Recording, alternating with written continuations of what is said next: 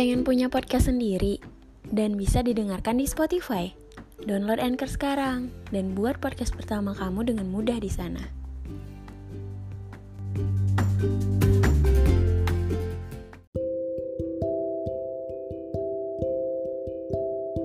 Hai Kak Febri, aku senang sekali bisa tahu podcast kakak.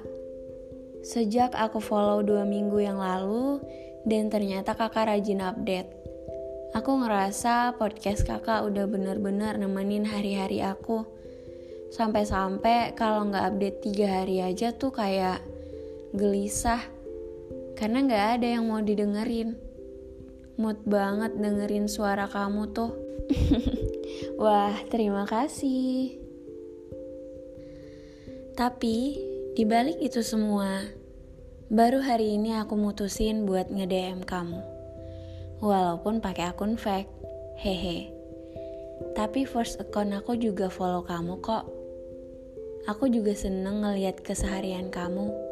Berasa kita makin akrab padahal nggak kenal sama sekali. Terima kasih. By the way, aku juga orang Pekanbaru. Oh ya? Cuma sekarang aku udah pindah ke Padang. Ya, Mungkin lain kali kita bisa ketemu kalau aku balik ke sana. Oke. Okay. Lanjut.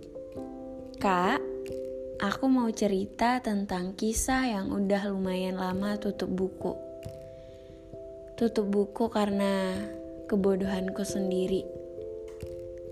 Dulu, waktu SMA sampai kuliah semester 5, aku punya pacar. Baik banget selalu ada buat aku. Didukung orang tua kita juga. Dia pintar, walaupun gak cukup pintar dalam hal keromantisan di dalam hubungan. Aku gak pernah kaget tiap disurprisein sama dia. Karena ya udah kebaca aja gitu.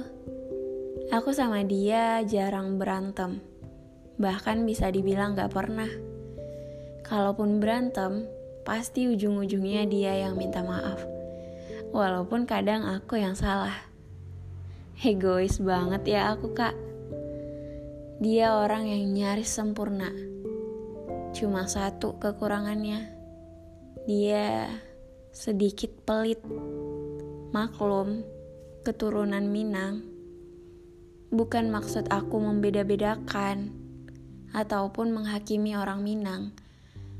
Cuma Memang kata orang, kebanyakan orang Minang itu pelit. Sampai suatu hari, masuk semester 5 awal, aku kenal sama seseorang. Teman kuliahku, kebetulan satu geng belajar. Sebut aja namanya Rian. Orangnya cukup baik juga, tapi dia sangat royal. Enggak, aku enggak selingkuh kok kak. Cuma dalam pertemanan kita, dia sering banget bayarin dan suka mengapresiasi setiap hal dengan traktirin teman-temannya, termasuk aku. Makanya aku bisa tahu kalau dia royal banget orangnya. Waktu demi waktu, aku jadi makin sering kumpul sama mereka dibanding ketemu sama pacarku. Sampai kita sering berantem karena aku gak punya waktu buat dia. Padahal sebenarnya bukan gak punya waktu. Gak tahu. Waktu itu kayaknya aku mulai bosan. Di situlah hubungan kita renggang.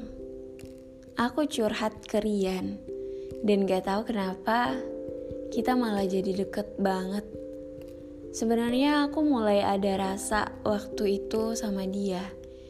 Tapi aku menyangkalnya. Dia ngajakin aku makan malam berdua. Aku gak mau. Sampai akhirnya aku mutusin buat ngeudahin hubungan aku sama pacarku. Karena aku gak mau nyakitin dia. Pun aku ngerasa aku gak mungkin bisa hidup sama orang yang hidupnya hemat banget dan sedikit pelit seperti yang aku bilang sebelumnya. Karena aku juga anaknya banyak mau, Kak. Dan gampang banget ngeluarin uang buat hal-hal yang aku pengen dan kadang gak penting. Sangat amat bertolak belakang sama dia. Setelah putus, aku gak sedih sama sekali. Aku cerita lagi sama Rian. Kali ini dia ajak aku ngopi. Aku mengiyakan. Setelah malam itu, aku jadi sering keluar berdua sama Rian. Dan gak tahu kenapa, aku mulai nyaman dan sepertinya perasaan itu benar ada. Hmm, kan? Aku udah bilang jangan sekali-sekali kalian curhat sama lawan jenis. Karena pasti akan tumbuh rasa. Oke, lanjut. Jalan dua bulan kita deket, dia nembak aku.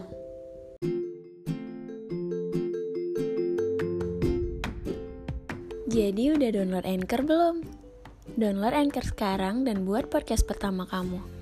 Karena bisa jadi cerita kamu jadi pelajaran buat banyak orang.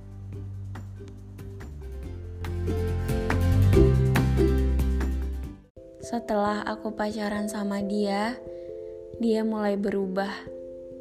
Mulai ngeliatin sifat aslinya, Kak. Posesif banget. Ke mana-mana harus ngabarin. Harus laporan terus. Gak boleh ketemu teman-teman kalau nggak sama dia harus selalu chattingan, gak boleh keluar malam sama temen-temen cewek. Banyak banget aturannya. Aku gak pernah dikekang sebegitunya kak. Dulu aku dipercaya banget.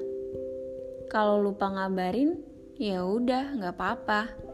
Tapi kalau sama Rian, aku gak ngabarin, langsung disamperin kak.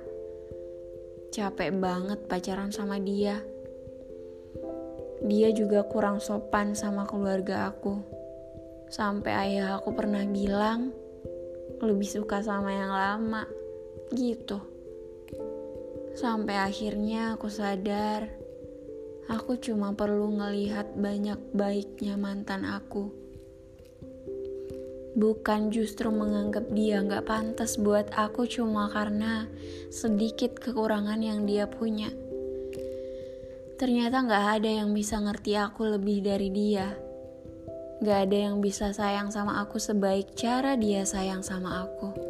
Dan lebih lagi, gak ada yang bisa bikin orang tua aku ngerasa aku aman selain sama dia. Sekarang, aku udah kehilangan dia.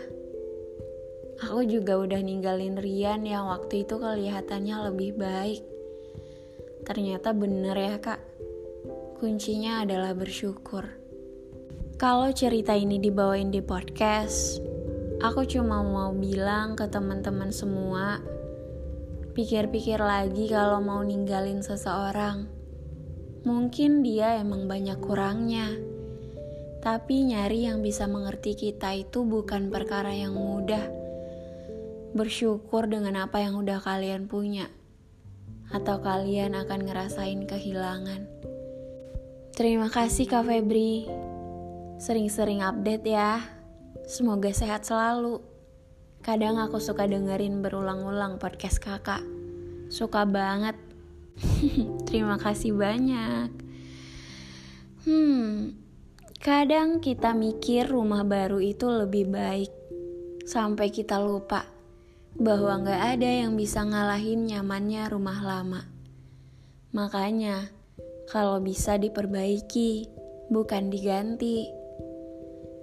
Ini semua perihal kata cukup. Kalau kamu bisa nemuin kata cukup di sela-sela semua kekurangan yang dia punya, kamu bakal bahagia. Mau dia pelit, dia nggak punya duit, atau dia suka minta bayarin sekalipun, kalau kamunya ngerasa masih banyak hal baik dari dia ya kamu pasti seneng-seneng aja. Makanya ada cewek-cewek yang orang-orang pada kesel tuh ngeliat dia bayarin cowoknya, tapi dianya happy-happy aja. Ya itu tadi, kita nggak tahu kenapa selalu ceweknya yang bayarin. Mungkin ada satu lain hal, dan itulah cara cinta bekerja. Mungkin ini cowok bisa selalu bantuin dia tiap dia butuh, selalu nemenin, antar jemput, dan lain-lain. Karena bentuk cinta nggak selalu tentang uang kan? Begitupun hal buruk lainnya. Kalau nyari yang sempurna, gak akan ada habisnya. Seperti pengirim cerita tadi, alih-alih dapat yang lebih baik, justru malah kehilangan yang terbaik. Kalau dirasa masih bisa diterima dan diperbaiki, pertahanin aja. Tapi kalau emang hubungan itu udah toksik dan bikin kamu tertekan, baru tinggalin. Kita yang tahu kata cukup versi kita. Yang baru emang selalu kelihatan lebih baik. Tapi mau sampai kapan cari yang lebih? Orang baru datang dengan sifat baru, wajah baru, hal-hal yang menurut kamu menarik. Tapi ingat lagi, pasangan kamu juga punya banyak pilihan, dan dia udah milih kamu. Lebih baik perkuat pondasi yang ada daripada terus berpindah tanpa menghasilkan apa-apa. Benar kata si pengirim, mengingatkan kita tentang pentingnya rasa bersyukur, tentang seseorang yang udah dikirim Tuhan untuk kita, seseorang yang terbaik